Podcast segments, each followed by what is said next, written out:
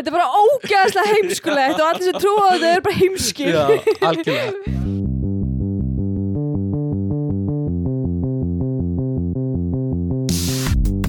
Halló er eitthvað að frétta? Já það er ekkert að frétta. Já það er ekkert að frétta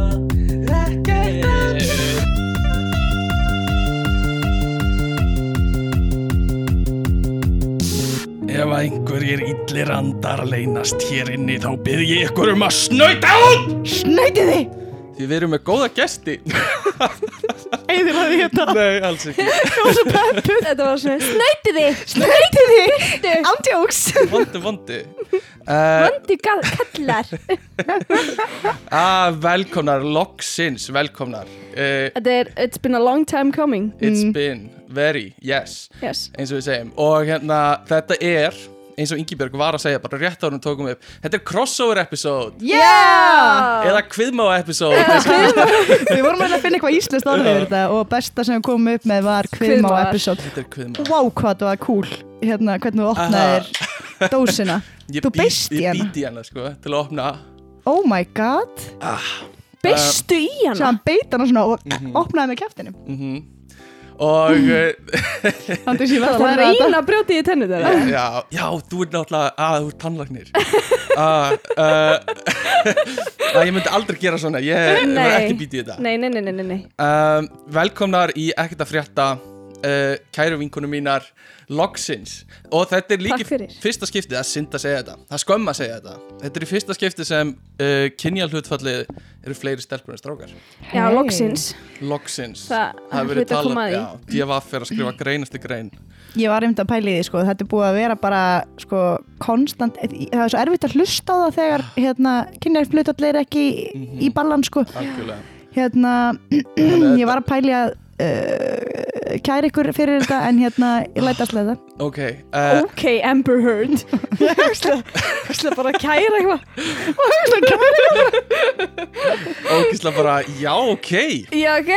Uh, nei, hérna, mér finnst ógislega gaman að fá okkur og uh, þið eru með podcastið Já, elskan. Mhm. Já, um, já, skan Kristjana og Ingibjörg.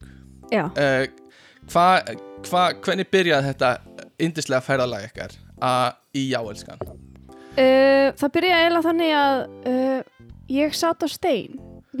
Og Í heiðmör í heiðmör var að hugsa um dauðan ég var að hugsa um veist, lífið, hvað er framundan. Og hérna já og, og svo hringdi ég Ingiburgu við vorum samt í alvörinu við vorum að eitthvað svona hittast sko svona gamlar dansvinkonur. Já, við vorum svona, þeir eru dansarar. við erum dansarar, Mm. gamlir. Dances ég, já, gamlir og, eða nýr og hérna við sko ég var búin að vera að hlusta svolítið á podcast þarna Mhm. og Ingeborg líka og við varum bara ekkert búin að tala um þetta svo sagði ég við stelpunar eitthvað mér langar að gefa mikið að byrja með podcast Já. og Ingeborg eitthvað, hei, mér líka Þá var ég búin að að hugsa þetta líka svo lengi sko, þetta var Já. svona eins og eitthvað svona uppljómun Já. á milli okkar já, og svo svo fyndi það því að dró akkurat frá sólu þannig að það kom bara sólageisli þegar við sátum á steininum Já. í heimur já, já, já. það var mjög fyndið. en já, svona eins og að kvikna á svona, á svona uh, ljó, hérna, ljósaperu, já, um það byrjun en þannig svo sko. bara í framhaldinu að þá ákvaðum við bara eitthvað svona að pröfu þetta og við tókum upp nokkra þætti bara í stofunni heima. Ég heldur hafi Og- verið alveg svona sjö. Sem þið tókuð upp fyrst. Áður en að við höfðum kjarkin í að setja dagsl í loftið. Ok, en Mhm. þið settu svo þessa þætti í loftið eða eitthvað, eða geimtið það? Uh, við settum tvo af þessum þáttum í lofti fyrstu tvo sko. Þannig að það eru fimm lost episodes af jáelskan yes. oh my. og við vorum líka svo mikið að experimenta. Við vorum eitthvað svona einnir on the go þar sem við vorum að lappa og taka upp. Já. Ú, og svo var einn sem var í bíl. Fórum, já, einni bíl um mig manstu við, við, við sko lögðum á okkur ógeðslega creepy stað. Mm, já, og það var svona hálfviti á bakvið okkur, svona hálfur viti. Já, já, já. og hérna ljósið var alltaf svona rjum, inn í bílun okkar hvað er hálfur viti? hann er bara minni en aðrir viti þetta var svona dvergviti það er dvergviti Okay. en hérna þannig já, að oi hvað ég var hrætt og við vorum sko að tala um drauga þetta var svolítið góð þáttur sko já, já. svo kerðum við fram hjá hérna, einhverju skipi sem hafði verið plantað í höfnina í Keflavík ok og það var búið að setja svona grindverk allstaðar. Yfir því það það mátti var engin stútfullt af asbesti. Já, og við vorum að koma að staði hvað hva, hérna, nafninu Orðið var er þetta er Ingi bara alltaf uh, Tabasco. Asbesti, þetta er líka að vita þetta er það sem draugar borða sko. Asbest. Mm dregur þetta drauga að? Draugað, draugar, þeir borða asbesti. Já, já. Mm -hmm. mm, mm uh, Einpæling, getum við lækkað aðeins í ykkur? Já, Þannig að bara smá. Já. eða svolítið Ok, halló, ok, og pröfa þetta.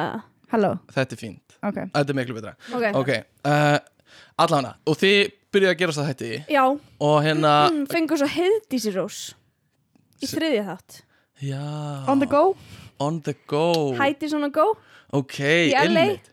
Mm. mm og það var svolítið breakthrough moment sko. Það var sprengja Það var það máli Það Við var að fá einhvern svona til að springa út? Svolítið, við vorum náttúrulega búin að vera bara, þú veist, sveittar í hérna Ekki það að við séum eitthvað útsprungnar. Jú, síðan er bara lífið, við erum búin að vera bara í LA, þetta er bara þetta er galið. Ég er alltaf að skoða TikTokin frá Kristjánu og hún er alltaf bara eitthvað staðar En við maður bara er ógæslega Bali, mikið stjarna. Suðustöku, Egyptaland og morgun.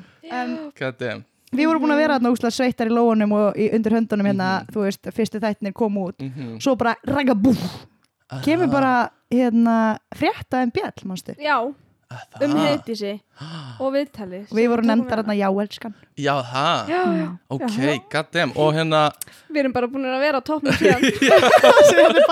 Lífið búið að leika á okkur Það er bara ég, Já, það sést sko. Það er hérna Já. Ég líka bara hvernig eru klættar Allar í Gucci Og bara Mhm. Með hérna enga þjónuna sem Við vildum fá að koma inn Og Já. eitthvað svona. Sko, síminn er ekki hægt að ringja Mm, það fólk er að byggja okkur um að sponsa sig. Já. A- Að þið sponsi þau? Nei, að þau fá að, Að- við fá, að þau fá að vera sponsin okkar. Hvernig á ég að ljúa mig út úr þessu? En hérna, ok, ég vissum að það sé eitthvað rosalega flóki svar og svona djúft og eitthvað við þessari spurningu en hvað kemur nafnið? sko, Þetta er auðvitað svona persónulega saga sem, er það ekki? Það? Alls Bara no way sko- Jose Við sko. erum búin að drita niður fullt af okkur tillögum Já. sko ándjóskist þú verður að finna þér. þær að eru, þær eru, eru fáránlegar. Ok, og við einhvern veginn sátum, ég man að við fórum nokkur sem sko á kaffihús mm, bara svona að funda, mhm, mhm, um, tökum fund mm, tökum tökum fund. podcastfund. Já, já, og við, við sátum þarna og skrifum niður einhverja hugmyndir og letum okkur svona dreyma og horfa í kringum okkur skilur og reyna að fá okkur umhverfinni svo þetta er smá natúral já, já, vantilega en hérna við endum bara á ykkur svona en þetta, já já, skan, svo alveg en, en bara, Já, sko. en bara já, skan Já. Já, Þú veist, ég er alltaf, við erum alltaf að segja Þetta er þetta. eitthvað svona, þú veist, þetta er svona orðu sem að er notað. Já algjörlega. eins og, eins og ekkert að frétta. Einmitt, einmitt. Ég, Ég er er stend sjálfa mig allt og ofta að því eitthvað svona, já, hvað er að frétta? Það var bara ekkert að Já. ekki Ég, hérna, ég er búin að taka saman sko lista sem er langar ekkert sem að klippa saman af öðrum podcastum segja, ekkert að frétta. Já, og ég er búin að sapna saman alveg nokkrum sko. Í alvörunni? ég held þessi með eitthvað frá ykkur og eitthvað svona, þá er ég ekki að tala um nafnið á þættinum heldur Nei, þegar þið Þegar bara við erum að segja, já, það er bara ekkert að er Vil, Vil ég vita, vil, vil ég heyra nöfnin? Já. Hérna, tillögurnar. Ég bara fátt sem ég vil heyra meira. Sko. Ok, nummer eitt Fylgjan ok, Númer það hljómar eins og ólítið podcast Ég veit það. Það. Var Þessna, aldrei þessna var það ekki fyrir já, vandu já, já Það var aldrei pælingin að hafa eitthvað ólítið podcast sko. Þetta var bara Nei, nei, við, við vissum eitthvað- þá ekkert um það eitthvað að eitthvað vera gúi og óleika eitthvað fyndið. Já. Númer tvö Hægri sílsadælan. Ok, það hljómar eins og sjálfstæðarflokkurinn sem er með eitthvað bílapodcast. Þetta er svona gaurinn, sko, þetta er típan sem að þú veist þarf að skipta sér að öllu já, og er að keira já, og þú veist, að, stoppar að ljósi við hliðina á Mhm. gurnum og hann skrúa niður. Herðu! Það er eitthvað að hægri silsidælunni hér. Ég held að hægri silsidælun sé farin. Þetta er þannig sko. Þetta er það. En svo nummer þrjú er óeðli. Óeðli, Það er mjög Óeðli. dark. Það finnst mér frekar nett sko, Já. verða að segja. Það hefur Við verið eitthvað, sko, það samt en eitthvað svona á kaffihúsinu eitthvað svona á kaffihúsinu eitthvað váka þetta par er eitthvað skrítið, þeir eru pott og deiti þetta er eitthvað ógeðslega óeðlileg en bara óeðlileg Já. En svo er hérna Kinky Ingi okay. Það er svolítið svona sexy K dót fyrir. Kristjana og E fyrir Ingibjörg, já og svo Já. föttu við við erum ekki hérna píkukastið eða hvað Já. Hvað það aftur? klikkar kynlífsögur Kli, já, Já, já, já, já, já, já, já. sorry, Mhm. sorry, sorry, sorry Klikkar kynlífsögur Ég hef hlustað á nokkra þar Að það? Ég líka. Bara fín, fínir Já Svo hérna Tuðungar Tuðungar Tuðungar. Eins og, eins og Tveimur- tuðunga, nema tuðunga Tuðungar, ég að tuða Halló, við bara Ég er bara tuða Thank God, já, já, fyrsti þáttur. Nú ætlum við að tala um hvað fór í taugarnar á okkur í dag. Ég hef ándjóks pælt í að gera þannig þátt sko. Bara, bara tuða sko. Og svo, svo stendur hérna já, elskan Já, og svo hérna hugvillingar. Ok Ertu að sjá hvað við erum með bara frjóa Já. heila? Já, já, sko, Ég er ekki bara frjó hvað við vorum en- líka bara svona dodge, we dodged a bullet þannig að pínu, já, það er eins já, gott já. við fokkin Æða. Æðaberar. Æða byrja Á, Þetta er bara, vá hvað þetta eru frábær. Og svo er það Æðaberar. síðasta er heimskra mannaráð Það er skemmtilegt. ég held að sé bók sem að heiti það mm, Ég skil. Já, ok. Þetta er Mér finnst hérna ó uh, eðli. eðli frekar nett sko. Já, já, Ég myndi alveg, ég var alveg á þeim vagni sko. það þyrfti samt að vera svona serious mystery podcast. já, já, já, já, já. En þið ákváðust bara strax að fara í eitthvað svona mystery eitthvað svona, ekki kannski horror en svona spooky, smá spooky dooky já, og, þetta er svona pínu millivegurinn sko. Og við erum ekki fastaðar heldur Nei. við erum við svona við, þetta kemur svona í bylgjum. Já, já, Sko, ég náttúrulega er, hef alltaf verið svolítið svona svona fyrir svona hrollvekju. Já, Mhm. þú ert hrollvekja. Ég svona, þú veist, fór út í sjoppu og kefti, eða legði eina nýju eina gamla. Já. og gamla var alltaf bara human centipede. Mm, eða I know what you did last summer. Einmitt. og eitthvað svona. Já, einmitt. mér finnst það ógeðslegt. Já, mér finnst, horfðu á þetta ein. Sko, það er eiginlega verð, það er, svona nei, nei, nei, það, nei, nei, nei, það er hrikalegt. Já, ég, Ha? já, Ha? einmitt. Ein? pælið í sjálf Eina ástæðan er að horfa þetta með einhverjum. Finnst það ótrúlegt. Eh, Og Human Centipede er bara eitthvað það allra versta sem ég hef bara það er alltaf viðbjöður sko. Hef viðbjóði, sko. Svo leið mér alltaf eins og ég ætti eitthvað svona dark secret að hafa hort á okkur að bannaða mynd. Svona, vákvöð vá, Þau veit ekki stelpa. Já, þau veit ekki hvað ég hef gert ekki hvað ég- hluti. Ég á með dark secret. Ah, Hvað geðveikt. Hérna, sko uh, Ég er með eina spurningu viðbót Já. uh, sem er ógeðslega mikilvæg. Já, Hefur einhver einhvern tímann stoppað ykkur á förnum vegi eða þekkt röddin ykkar eða eitthvað já Eh, já. við lendum í því bara síðast í gær. Mhm. baby shower já, Það sem að kom stelpa til okkar sem er búin að vera að hlusta á okkur Rambaði bara inn á podcastið okkar fyrir Ok. tilviljun. Ógeðslega gaman að ekki- heyra það. Já, einmitt. Ald- Ég uh, var- ekkert í nutti líka og Mhm. nuttarinn var búin að hlusta á okkur. Ok. Já, ég hef líka lent í þessu. Hérna, ég var að byrja, byrja nýri vinnu um daginn mm og þá var eitt strákur sem er að vinna með mér, hann alveg herðu, hérna, þú bjóst í íbúð sem að vinkon mín bjó í einu sinni og hún hlustar alltaf á podcastið þitt. Vá. En sennilega það íslenskasta sem ég hef heilt já, já, já, já, já. Já, Ok, en fyndið. þannig að núna er ég orðin geðut svona meðvitu Já, já, Já. þú- alltaf með sólgleri Alltaf með svolítið delhúfi líka. Nei, nei, nei, nei, en hérna náttúrulega fólk veit ekkert hvernig við lítum út sko. Nei. Nei, þeir eru náttúrulega með mynd af einhverjum gæja á covermyndin ykkar. Já, þetta er Jeffrey. Sko ég held þetta væri. Elvis þegar ég sá Er það. það? Já, já, Já, eða afi annarkvörur ykkar. Eitthvað svo leiðis já, uh, En þetta er bara þetta er bara Jeffrey. Jeffrey. Þetta var skilurðu? Jeffrey. Þetta er bara Jeffrey. Hann, hann er sko tragic saga sem fylgir honum. Já, Já. ymmi hann dó hérna hann, er, hann var hérna leikar í Hollywood árið 1900, 57 nei fyrr sko 1940 eitthvað. Þið klárið setningarna hjá okkur annari sko. Já. Ég veit að við erum, við erum ég er Þórin og hún er Veg- Alexandra. Okay. í, Þetta í podcastinu þókan, ok, ég er að já, Já, hot shot. Hot shot. Hot take. Hérna uh, hvað voru að tala um? við vorum að tala um Jeffrey. Jeffrey já, Hvernig hann dó Jeffrey, hann var sko svona vildi alltaf gera stöndin sjálfur mm, skilur þess og skilurðu. ég. bara svona eins og við skilur að Já. gera stöndin sjálf og hérna og hann deyri í einhverju bílslisi einmitt, ég tengi sko. Nei, ég elska svona, sko, ég elska þegar Ingeborg er að segja sögur. það er alltaf bara eitthvað svona, það byrjar ég, já, já, en það er enda alltaf bara eitthvað svona allt öðru sem það er eiga actually enda. Hann Jeffrey, Já. að ég segja hvernig sagan er. ok, ha Í alvörunni. Ingeborg, Ingeborg trúir því sem hún sagði, sér Ok. sannleikurinn, sko. Hún trúir í alvörunni. ok, En í, það sem er gerist í alvörunni er mjög tra tragic út af því að okay. hann er, var leikari já, mjög frægur leikari í Hollywood og var að leika í einhverju svona stöndadriði, gerði stöndin sjálfur mhm. og byrjar eins. Mm, byrjar eins, þetta er bara so einmitt. far so good einmitt, og hann var í bíl. Mm. já, nema það að hérna, þá, og svo kom einhverju svona sprengingar mm, og það átti bara að vera eitthvað svona fake en hann dó, veist það bara eitthvað sprakk bílinn já, ok já, já, ok, þetta er svo minor tweak. Hérna, þú veist. Ég, potato, þetta, þetta er svona fullkomin dæmi um góð saga og aldrei þurfa að líða fyrir sannleikana því að það var miklu dramatískra að ég segi og hann lendi í bílslis mm. já, það var ekki bílslir, það var ekki að kýra það var að leika.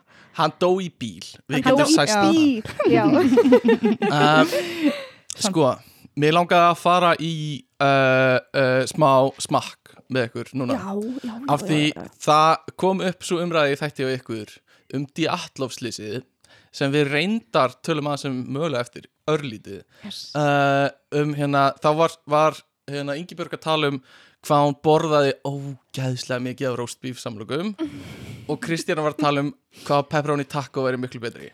Má ég, má ég skjóta inn í? Mm, hérna, við höfum samband við Sambó nei, Soma, Soma næs það sem kannski útskýrir að, hérna, það akkur, Hversu- akkur við fengum ekki spons Mhm. af því að ég kann ekki af- einu sinni, veit ekki hvað fyrirtæki heitir. En við höfum samband við þá Soma ok, og hérna, þeir vildi ekki spons okkur. God damn þið, þið væri fullkomnar í spons frá þeim sko. okkur fannst það að- líka. Við, við Mhm. tölum um pepperoni takk á hver, hver, hverjum tíma já, sko. í hverjum tíma já. í hverju, hverju Og- kennslustund tölum við um og það? í fríminútum líka. Þetta ég út að leika hætti að tala um pepperoni takk leita, Löggi peppa og takk leita tuðungum og tala um peppa um, sko, en, en þetta var ekki bara það að uh, pepperoni taco eða roastbeef væri betra. Það var hvernig á að hita pepperoni taco rétt. Og Ingi Björg vildi bara ekki gera yfir höfuð. Hvað finnst þér um það? Mér, ég, ég, ég prófaði það um daginn. Já. Þú veist bara, ég hefur örugglega gert það áður en vildi bara svona rifja upp hvernig það var. Já, ekki gott Viðbjóður. að, sko, viðbjör við erum ekki mörg á Nei. þessu landi sem við búum í Nei, Íslandi. Uh, sem, að, sem að finnst þetta gott. En einmitt fyndi að segja frá því að við erum einmitt öll frændur en við erum mjög sko, svona náinn hópur og Mhm. hittumst reglulega Ég var að býða eftir að við myndum degja til bílslýsi í þessari sögu þannig að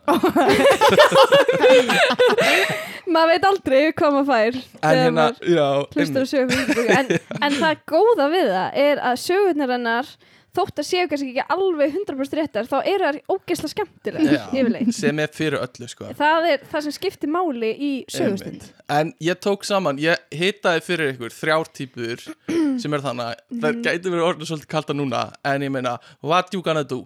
Og uh, það er semst í opni í Mhm. svona samlokugrilli og í örbylgjómni uh, ég sé að þessi lengst til hægri var í örbylgju. Mm og Ok. þessi miðjun er grilluð.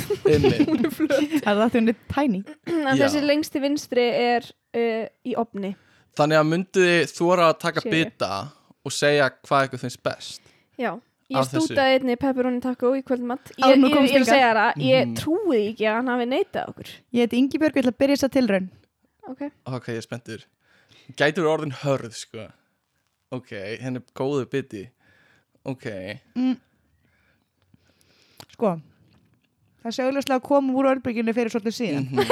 Já, hún er svolítið blöyt í botnin. Ymmit er hún orðin blöyt? blöyt í botnin. Ok, mm. Ok, svo förum við í samlokugrillið. Samlokugrillið? Mikið er ég spenntur. Mm, mm, mm. Hún tekur, hún tekur. Mm. þetta er enda helviti gott. Þetta er helviti gott. Já, mm. Grilluð Ok, þannig að samlokagrilli er En hætti má ég on top spyrja þig? núna. Það er allavega Settir hana beint í grillið Já. eða se- hittar hana fyrst í Nei, örbylgjuofni að ég hef klikkað á því. Ég held að þú hafði mér að tala um það sérstaklega. Þessi er sko crunchy. Já, Ú. nefnilega Þessi sem sko- var í opninum. Já, Það er nefnilega, já, vá. Maður heyrði þetta? Það er gott crunch. Crunch, crunch, crunch. Mm. Ok. Ok. Eitt í það sem ég ætla að fá að segja. Mhm, Sósan, þessi chili sósa Já, Hún er góð. Er þetta chili sósa? Já, chili sósa Hún er góð. Já, Hún finnst bragðið henni en finnst aldrei nógu vel finnst mér til þess að hlutvöllin í munnunum skilur þetta fyrir að Blanda saman. blandist saman Mhm, just right eins og er köld. Já, En- En er þetta pepperoni taco eða er þetta langlökurist? Þetta er pepperoni taco. Ok, Sko mér finnst samt þetta í opni best af þessu þrennu ok, ok. Já. Það er áhugavert, ég hefði haldið að samlokagrilli væri best. Já, Persónulega. Ég, ég hefði haldið það líka Smakka sjálf það. nema það að ég fekk mér sjálf pepperoni taco í kvöldmatt Já, fyrir, fyrir nokkru uh, klukktíma síðan. Og það var einungis í opni einmitt, og ég, einmitt. bara ég var blown away. Mhm. Ok, en Það ég má held, segja held að við getum þá mögulega uh, slúta þessu með að segja að opnin sé bestur. Já, Ég bara, ég held að er sko bestur. Uh, Já, ok, nema við viljum prófa að kalda eftir En það kemur bara í ljós þá. Mjög takk, Nei takk. Það er góð mögulega. Stælar er þetta? uh, Ég ætla líka að segja bara að styrtaralega þáttur þessi dag eru vinir. Vinir Vinir. mæta í podcast hjá vinum. Vínir Vínir uh, Og rauðvin dagsins í dag er óafengur Sommersby og uh, einstök léttöl og bríó óafengur Það er svo langt síðan ég fann á mér Það eru sex mánuðir síðan ég fann á mér síðast. Að ég sverða að ég var fann að finna á mér. Vá, alveg en þetta er 0% Þetta er 0% sko. Þannig að þetta er allt, í þetta, hausnum sko. Allt í haustum aðeins sko. Uh, Ok, þannig að þetta er gott. Við erum búin að, við erum búin að takla mikilvægast aðdreiðin og getum fara að takla heimskulega aðdreiðin núna. Ok, uh, uh, Hitti pepperoni taco í opni og hérna Ég glemt að bjóða þér allt í góðu. Ég með fullan bung uh, Það er bara Go allt í góðu. Við erum með þrjár aðrar langlökur Þannig að um, við hugsaðum öll eins í kvöld. Já, þannig að ég var að hugsa Já. Ef að fara að tala um drauga? Ú. Sko, Mm, ég skrifaði. Ég byrjaði að skrifa þetta handrit fyrir mánuði eða eitthvað, Vá. man ekki uh, uh, uh, Dedication Dedication er búin að vinna í þessu hverjum degi síðan og hérna Oh my god uh, ég skrifaði niður draugar fortíðar og ég veit ekkert af hverju ég gera Er það það núna ekki bók? Ég veit Það það er ekki podcast Er það podcast? Það er podcast Herðu, Ok. hefur þú tekið eftir hvernig Stefán Gunnlaugur segir, segir podcast? Ég sko mimika þann Þetta er svona eins og þegar maður tala við indverskan já, Mhm. og maður svona með reymin alveg og maður svona þarf stundum að Algjörlega. halda aftur að sér að mimiki manneskuna Ég er 100% hvað að menna sko. En uh, þú segir líka YouTube mjög skuldi YouTube. Ég, Ok, nú er ég mjög með þetta. Ég veit ekki núna lengur hvernig ég Þú segja. segir þetta podcast. Þú Podcast ert svo hérna, þú ert svona pod- gentle Podcast. Hérna, Podcast já, Podcast. Einmitt. og YouTube. Ég er að, Nei, ég er að hérna pakka ykkur inn í sæng með röddinu minni. Já, Podcast. Podcast. Uh, Þannig að, ok, drauga fórstíðar Það gæti verið podcastið uh, En ég man ekkert af hverju ég skrifaði það. Uh, En þannig ég ætla að byrja bara á öðrum stað. Ég ætla bara að spyrja ykkur Trúið Á drauga. Á drauga Já, Einfalt svar bara. já, þú veist hjá, ég sé enga drauga. Nei. ég finn aldrei fyrir draugum. Nei, en mér finnst það bara mér finnst bara svo leiðilegt að taka það úr heiminum. Algjörlega, ég skil En hvað eru draugar? Algjörlega. Og hérna, við skulum bara ræða það. Hugsa þessa spurningu. Algjörlega. Nei, við skulum ræða Algjörlega, það. Alveg Já, Uh, og næsta spurning er ekki, ekki tala lengur um hvort þið trúið. Hvað eru draugar? Uh, sko, framleiðið fólk og sem er að koma og tala við hinna lifandi. Já, ég trú það. Basically, skilur það er svona einfaldast. Og þú, þið trúið báðar. Já, og hérna, við fórum til miðils já, sem kom í þáttin ykkar. Já, ógislega gaman að hlusta á hann. Geggjað uh, þetta og mér fannst það sérstaklega gaman af því þú veist, ég hef allt aðra skoðanir. Eða þú veist, skilur og mér fannst Já, það þú ert ógislega hater. næs. ég er heitir og hérna uh, en, uh, en mér finnst mjög gott að þið trúi báðar. Uh, af því, þú veist ég væri að feika það ef ég væri eitthvað mikið að segjast trúa.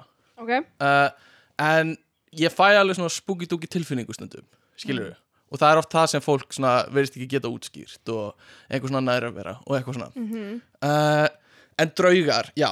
Framlinir koma virðast oft vera vondir eða hvað, í bíómyndum eru þeir oft vondir. Já, uh, og það er svona mér finnst reyndar við þetta svolítið bara svona mismunandi eftir við hvernig þú ert að tala hvað fólk segir að draugar eru. Já, Þú veist, einmitt. sumir eru bara ekki gera þetta, þeir eru hættulegir þeir eru stór hættulegir og þú ert bara að forðast þetta og eitthvað svona.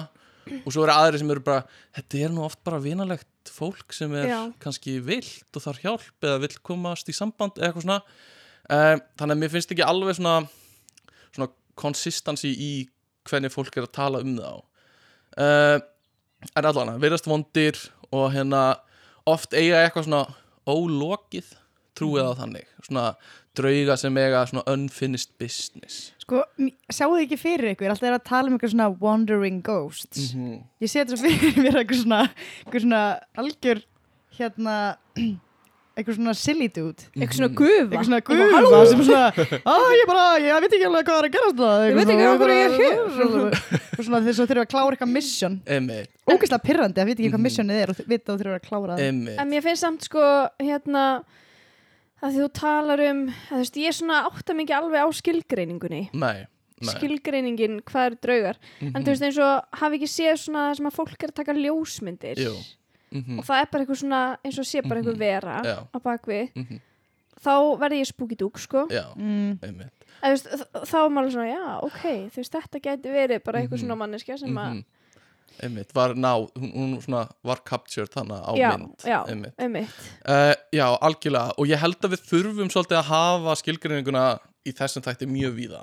Já, ég að- held það. þú veist, fyrir mér getur þetta verið alls konar andar núna og þú veist, líka fólk eða bara fólk sem er dáið og er að koma aftur, þetta er fólk sem þú veist, miðlar er að tala við í mínum huga, þetta er líka svona þú veist, drauga húsdraugar sem eru fastir við hús eða eitthvað svoleiðis. Já. Um, ég er skítrætt við þannig. Þú skítrættu þannig? Já, þannig að myndið þið finnast óþægilegt að gista á hóteli sem á að vera haunted eða þú veist? já sko þegar þú varst að segja okkur og þú ætlar að taka þetta fyrir mm. hérna þá svona eiginlega eina sem er datt í hug var uh, þegar ég var lítil og mamma og pappi ferðust svolítið mikið með okkur. Já, og við vorum ofta eitthvað svona að keira um lönd. Þú veist, leiðum Mhm. bíl og vorum að keira í tvær vikur. Einmitt og við vorum ekkert tímann að keira um Ítalíu.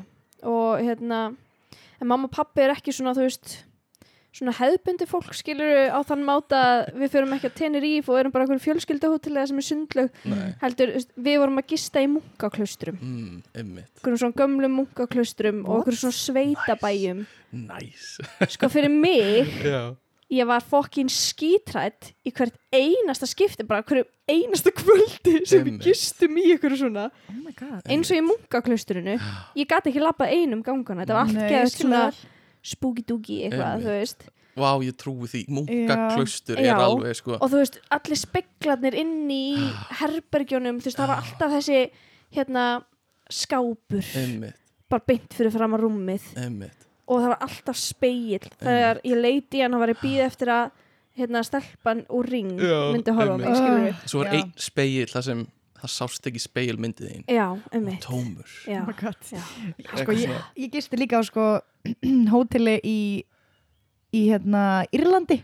Já, og það var bara þekkt á, á booking og allt fyrir að vera haunted. Mm og ég gisti ekki þar ég fór ekki á booking og look, leitaði af haunted Nei, nei. hotels.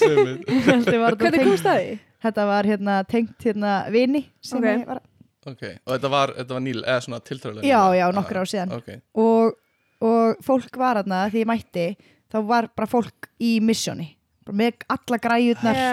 búin að setja fullt af búnaði. Magna. Og svo var eitt herbyggi sem hún gast gist í sem var bara svona pínu ponsu líti þannig að þú þurftur að skrýða inn í það ok. Þú ættir að gista þar, bara í svart bara svartnættinu, algjörlega svart. Mér finnst þetta svo heitlandi típur sem fara í svona Ghostbusters Já. ferðir sko. Og þau eru með þú veist uh, EMF sem er Já. svona e- electromagnetic einhver mælir. Já, og hérna eru með salt skilur þá að salt er svona hreint það táknar hreinleika þannig að Mm. að þæla í burtu drauga. Já, og þú veist ef það ert í, í draugahúsi þá átt að setja salt í hérna á dýrastafinn þannig á niðri. Já. Þannig að það get ekki labbað inn fyrir tröskuldin og eitthvað svona. Mhm. uh, og krossar og eitthvað svona. Og svo eru þið bara með babkun sína að leita draugum. Mhm. uh, og þú veist, fyrir mér þú veist, það hljómar smá eins og þú, þú tekur allt sem vísbendingu um draug. Já, Þetta Uh, er leiðandi. Þú ert miklu opnari þú ert fyrir þessu. Þú ert að leita og það er örgulega alltaf einhver svona það getur verið eitthvað svona leiðinda púki eins og ég sem væri með og er eitthvað svona "Nei, þetta var ekki neitt. Eitthvað svona. Stefán er að hætta í uh, en sko mér, mér finnst líka bara oft gott að sleppa tökunum og bara leifa mér að trúa skilur Já. uh, og hætta að vera fastur í einhverju svona raunvísinda dóti uh, þannig ég ætla svolítið að leifa mér það núna. Má ég spyrja þess að það einu að því ég er að velta fyrir mér. Mm Mhm. að því það eru ógislega margir sem að trúa ekki Mhm. en svo fæða á tilfinninguna. Já, ef að þú myndir segja við þetta fólk herri, já, hérna ég ætla að fara í svona Ouija board eða Mhm. hvað, hvað heitir, hvernig ber maður þetta fram? Ouija board. Ouija board. Já, ég ætla að fara í svoleiðis. Ég held að það séu miklu fleiri sem að segja þá nei guð, verð ekki að því. Já, ymmit heldur en sem segjast trúa Veist, já, fleiri- já, já, já, þú veist þannig að heitirannir þeir eru bara eitthvað nei, nei, nei, nei, nei verð ekki að því. En Það ég trúi samt ekki málið, að drauga sko. Mm, Pappi er einn þeirra sko, hann er rosa mikið svona raun Einmitt. já, Einmitt. já. og hann hefur hann samt trúir sagt að við jörðin sé mig. flöt til dæmis. Já, já, svona raunvísinda Já, gæði Hann er bara mjög hann klár alveg bara, maður. þú veist, einmitt. Já, og hann sko hann hefur sagt við mig allt mitt líf bara saman hvað þú gerir, já, aldrei fara í andaglas. Einmitt. Þetta býður líka bara upp á svo miklu svona brainfokki, veit þið hvað ég meina? ég held að þetta sé líka rosa mikið þú veist uh, þetta er rosa mikið, þú veist, ég trú ekkert á þetta en hvað ef, mm. skilur þú veist, Mhm. hva- það er, þú veist ok, ég veit að það gerist ekkert en hvað ef það gerist eitthvað, skilur já. þá er ég, þá er ég inn í baðherbergi að öskra Bloody Mary og, er drepin, skilur hvað ef það gerist, skilur þannig að ég held að sé svolítið þannig ég, mynd, ég alveg finn það líka og ég man, ég þorði aldrei að gera eitthvað svona Mary dót þegar ég var yngri, sko. Nei, og þú veist það var við töluðum um í einhverju þætti um eitthvað svona alternate universes. Mhm. og það var á einhverju síðu sem við lásum eitthvað svona leiðbenningar til að komast í hérna alternate universe dot. og það var að fara í liftu um miðanótt og þú veist íta á takka í einhverju ákveðni röð þannig að fara upp og niður hæðinar og á einhverju hæðinni þá opnast hurðin og það lappar stúlka inn í liftuna ó, og þú mátt ekki horfa á hana heldur átt bara að líta niður og svo ferð á næstu hæð og ef þú opnast og hún lappar út þá, þá bara ekki voga þær að halda áfram. Þá bara beint niður, út og hættu. Ef hún gera það ekki eða eitthvað svona þá mátt þú fara út og þá ertu komin inn í einhvern annan heim. Eitthvað svona. Og, og hérna og við vorum að tala um þetta og hérna, maður var svona þetta er ekkert að fara að gerast en hvað ef ef það myndi eitthvað svona, hvað ef það kæmi actually stelpa inn í á hæðina þeina á þessari hæð sem hann átt að koma inn myndir ekki fríka út, skilur við Já, 100% þannig að þú veist, raunvísenda heili minn myndi ekki höndla það, skilur við þó að, þó að ég, þú veist, segist ekki hvað ger ég þá? Já, hvað ger ég þá, skilur Þannig að uh, ég skil það rosa vel og hérna, þetta gæti gerst eitthvað, sko. Já, Kondi maður veit ekki Ég uh, held ekki eitthvað japanskt. Ég held að það sé eitthvað japansk Já, Ég held, já, Og ég er hérna, bara ógislega klár í alls konar eða, þú veist, draugafræðum hún- nei, já, Draugafræði. nei, þú veist, hún veit alls konar svona, þú veist, einmitt. svona sniðut Það er, Takk setta. Já, Love you. Svaka hrós. Uh, er svo eru rosa klár. Gít sæmileg bara með? Svo, svo eru bara ágætt Há klassa aftur þetta.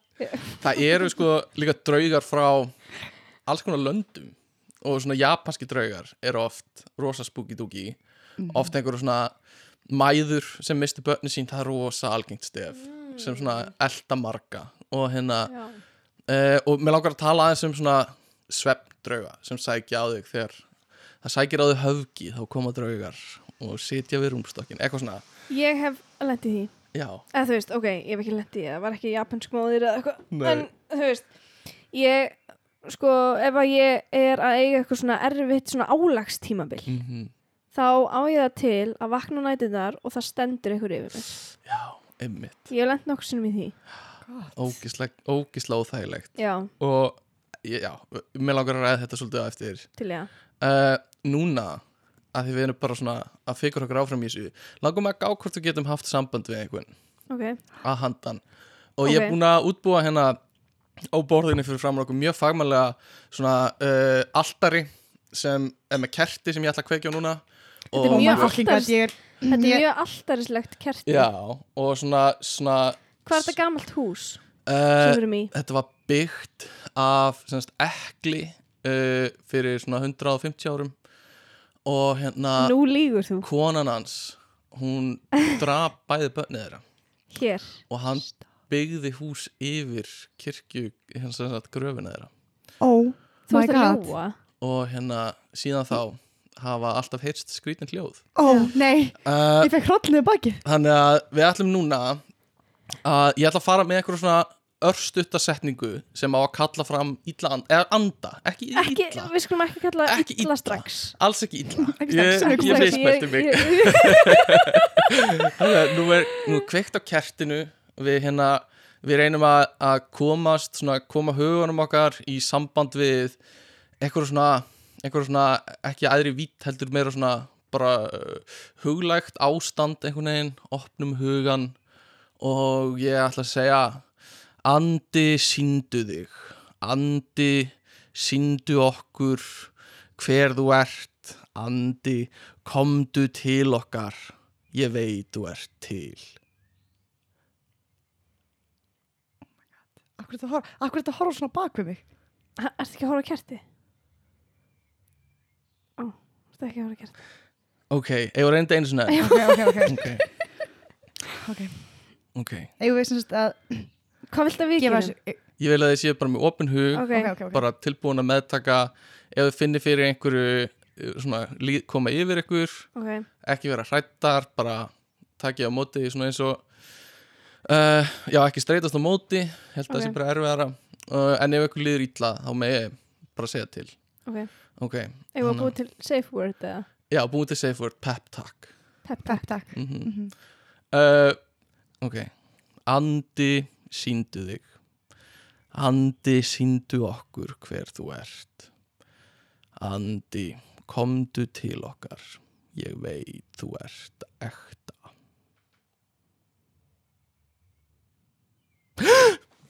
Ekkert gerðist. Er mér bráa hins og mér mikið ok, ok. Fekst þú eitthvað yfir því, Ingibjörg? Nei, mér fór alltaf að vera smá kallt en ég held að það sé bara vindinu frá hurðinni. Ok, en það, er við höldum möguleikanum opnum. Það geti verið eitthvað annað. uh, Þannig að það eru til alls konar típur af leiðum til að hafa samskipti við drauga. Uh, og ég var, var að skoða þetta eitthvað á YouTube, nei á Google og hérna það er svona spurningasvara síða sem heitir Quora sem er svona það sem þú spyrir bara spurninga á hver sem ég getur svarað. Og það spurði einhver uh, hvað eru einhverja leiðir til að sammóna drauga? Eða hérna uh, kalla á drauga, kalla á fram. Og eiginlega öll svörin eru fyrsta skref þú vilt ekki kalla fram drauga.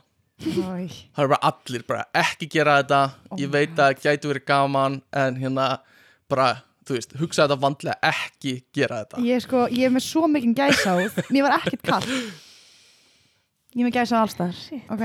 Ok, þannig að við, við erum ennþá þú er bara pínu hvít í framann Hættu.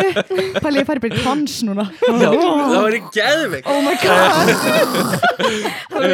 Ingibjörg, við erum eftir að taka bókan átt sko. Það er til að býða að með þetta uh, þannig að, að það er, er alls konar leiðir og, og Ouija board er ein leið uh, þú veist, það er bara einhver leikur sem var fundin upp þú veist, 1960 eða eitthvað sem var svo svona tekin upp af svona anda þengjandi fólki sem eitthvað svona draugadót. Uh, svo er ein leið hérna sem ég ætla að lesa fyrir ykkur. Hvernig uh, já, hvernig kalla ég fram drauga? Og hann byrjar á að segja eins og eiginlega fle- flestir aðrir ekki reyna þetta. Uh, og alls ekki reyna þetta ef þú heldur að þú hættir við hálfa leiðina í gegn. Já, maður er oft heilt það. Já, þannig að bara verður að já, klára. kommittaðu í þetta. Ok, og fyrsta er að kerðu að götu það sem endar á svona botlanga einhver staðar út í skógi eða upp í fjöllunum eða eitthvað svo leiðis uh, og taktu með þér sem sagt uh, uh, pönnu, flata pönnu og ferða eldavél eða gas eldavél eða eitthvað svo leiðis Mjö, byrja mjög skringilega sko. Mm. Uh, taktu líka Flata pönnu? Já, bara Þetta flata er bara svona pönnu. íslensk Já, ekki pönnu vókpanna Ekki vókpannu Ekki vókpannu. Sama hvað gerir. Já, sama hvað gerir, ekki vókpannu Það er mikilvægast. Uh, Taktu líka með þér þrjár eða til fimm svartar krákur. Lifandi. Og hérna Easy. Og taktu með þér líka fimm já, bara úr krákusafninu mínu. Hvað þú? og taktu með þér fimm svona pinna svona eins og notar fyrir kebab pinna býst ég við? Uh, svona málm kebab pinna uh, og svo hérna bara taktu með þér hugrekkið þitt líka. Það er bara mjög mikilvægt. Og byrja þetta á miðnætti og það má uh, ekki vera neitt tunglskin. Uh, þannig að þú verður að gera þetta þá og ekkert svona gerfiljós þannig að þú verður að gera þetta bara undir hérna nætur Byrjum heiminu himni, ok uh, Lappaðu 500 fet frá bílnuðinum og að þú ert með Hvað vini er það í metrum? uh, dilt með þremur þannig að uh, svona 180 Ok, eitthvað sliðis vona að það sé rétt regnaði á mér. Ah, ég fæ fullt af tölupústum eða það er ekki rétt. Uh, og ef það er einhver vínum með þér segja nú að vera eftir í bílnum. Farðu að endanum á götunni og settu upp borð með eldavélinni og kveiktu á elda hérna og undir lágum hitta og settu upp hönnuna á. Og hérna þetta verður eini hérna ljósgjafiðin og má hérna, vera með prímus? Já ég býsti því. Ég býsti því. Þannig að Já, bara prímus. Já, við skulum leifa það. Við Ok. leifum það. Ertu með uh, eitthvað sound effect eða? Nei, Já, ok, ekki neitt sko. Ég er að heyra ykkur rattir okay. uh, Nei, nei, ekki uh -oh. Nei, ég er að tjóka, ég heyri svona Já, ég heyra það líka, ég búin að heyra aha. allan tíman, ég held sér úti. Thank God, ok. Ok, þetta gæti verið ekki hann að berja á kistunni sína. Uh, Ok, og um leið og Já, ok, settu semast Stingdu allar krákunar á svona pinna Og hérna uh, Steiktu þær yfir pönnunni Og uh, um leið og uh, Kráka Hvernig áttu að drepa þér? með því að stinga þér Bara, bara já, ok. Býst ég við. Það er bara ekkit Þeim er ekkit gefið eitthvað svona Mhm. róandi fyrst nei. Smá sóbril Ó, Sóbril nei. fyrir þig. Sóbril fyrir þig. Uh, og um leið og er snertapönnuna þátt að byrja að tjanta uh, sem sagt uh, grilluð kráka grilluð kráka. Hver vill grillaða kráku? Komdu hérna og fáðu þér. Og verður einbeittur eða einbeitt og hérna á allt sem þú gerir og ekki æla ekki gráta og ekki öskra eins og brjálæðingur og alls ekki hlaupa í burtu frá staðanum sem þú ert á. Uh, og já, annars byrja þeir að koma. Uh, já, allavega. Og hérna vertu eins rólegur og getur eins fagmælegur og getur bjóttu þeim þegar þeir koma til þín að fá kráku og þú getur byrjað að tala við þá.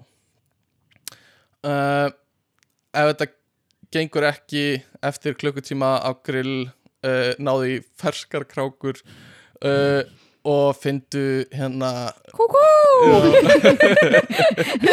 Þetta gekk ekki. Kúkú! Uh, allan, þetta er eitthvað svona framvegis. Rosa uh, mitt point er alls konar típur til af einhverju sögum og hvernig þú gerir þetta. Oft er það eitthvað svona tjanta latínu og eitthvað svo leis Mhm. um, Þú ætti nú að kunna það. ég ætti nú að kunna það. Þú og læra það að skóla MR það sem við lærum öll að kalla fram drauga á latínu. Mhm. um, en já, þannig að við vorum að tala um líka bara áðan. Þú varst að tala um sögu þar sem þú upplifið svona drauga. Já, og þú varst að tala um þetta írska hótel. Fannstu eitthvað sjálf? Nei, ekki neitt sko. Ég hef eins og einu sinni verið í návist draugs. Já, Vil ég fá sögu? mhm. Sko, suga. Suga. Suga. Ok, úkslega gerir uh, svona hérna soundeffekt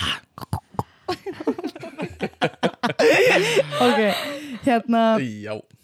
hérna sko, ég var í Austuríki og ég og litli bróður minn vorum saman í herbergi og svo var langur gangur og mamma og pappi gistu á hinnum endanum á ganginum Mhm.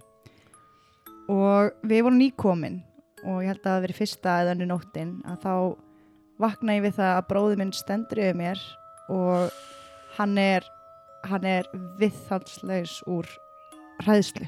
Ég bara, ég hef aldrei séð neitt svona hrættan hann er bara, kemur ekki upp úr sér orði hann er allir titrandi og, og ég var bara ha- handviss. Með það væri búið að myrða með og pappa og við þurftum bara að leita skjóls en ég vakna við þetta og, og ég bara hvað hva, hva, hva er gangi, hvað er gangi? Og, og, og hérna og þá hleypur hann einhvern veginn svona í hinn enda herbyggisins og fer upp í rúmið sitt alveg í hotn og fer svona á grúfu.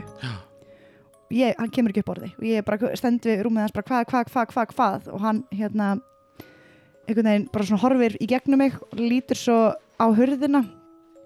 Og þá var þetta sem sagt svona rennihurð. Mhm. hún var hálfopin Mhm. og hann alltaf svona að kíkja fram á gang. Þá hafði mamma heyrt í honum og hún var að strunsa í gangin Mhm. til að kanna hvað var í gangi. Og þegar hann sér hana þá sko öskrar hann. Hann bara öskrar úr sér líftóruna og hoppar aftur í rúm og er bara hann er svo hrættur, hann er að missa vitið. Mhm. um, svo bara fer ég og gisti á mömmu pappi gistir inn hjá okkur og ég heyr ekki meira á sögunni það var ekki fyrir en ég bara ég var sko, mörgum, mörgum árum setna að pappi situr í sófar og fór sér bjór eitthvað með vinnu sínum Mhm. og hann er að segja honum frá þessari sögu Mhm. og þá segir hann mér frá þessu að hérna að, að þá segir hann bara vinnu sínum frá þessu og ég heyri bara Já. af því ég er inn í herbergi og ropið eitthvað leis Mhm. uh, og þá segir hann sérst að þessa sömunótt þá gistir hann í rúminu sem að bróður minn var í Mhm. og honum líður eitthvað svona óþægilega og, og hérna og vaknar eitthvað um þrjú fjöguleitið við það að það er bara svona þingsli yfir honum. Og honum líður eins og það hafi bara einhver bara lagst yfir hann þannig að hann gata ekki hreift sig. Ok. Og hann einhvern veginn svona vaknar í einhverjum andköfum Mhm. og, og ekkert með það þú veist bara hérna, einhvern veginn dismissar það algjörlega. Mhm. næstu nótt þá gerist nákvæmlega það sama eitthvað í kringum þrjúleitið og hann náttúrulega lokar þessari rennihurð alltaf áður en hann fyrir að sofa. Mhm. næstu nótt þá vaknar hann nákvæmlega sama við það að hérna, eitthvað þingsli Mhm. og hann veginn, uh, vaknar aftur og þá er hurðin galopin. Já. og hann hugsa bara, herrið, þetta eitthvað gegnumtrekkur. Þriði nóttina setur hann skó undir til þess að halda hurðinni kjur- kjurri. Skorðana af.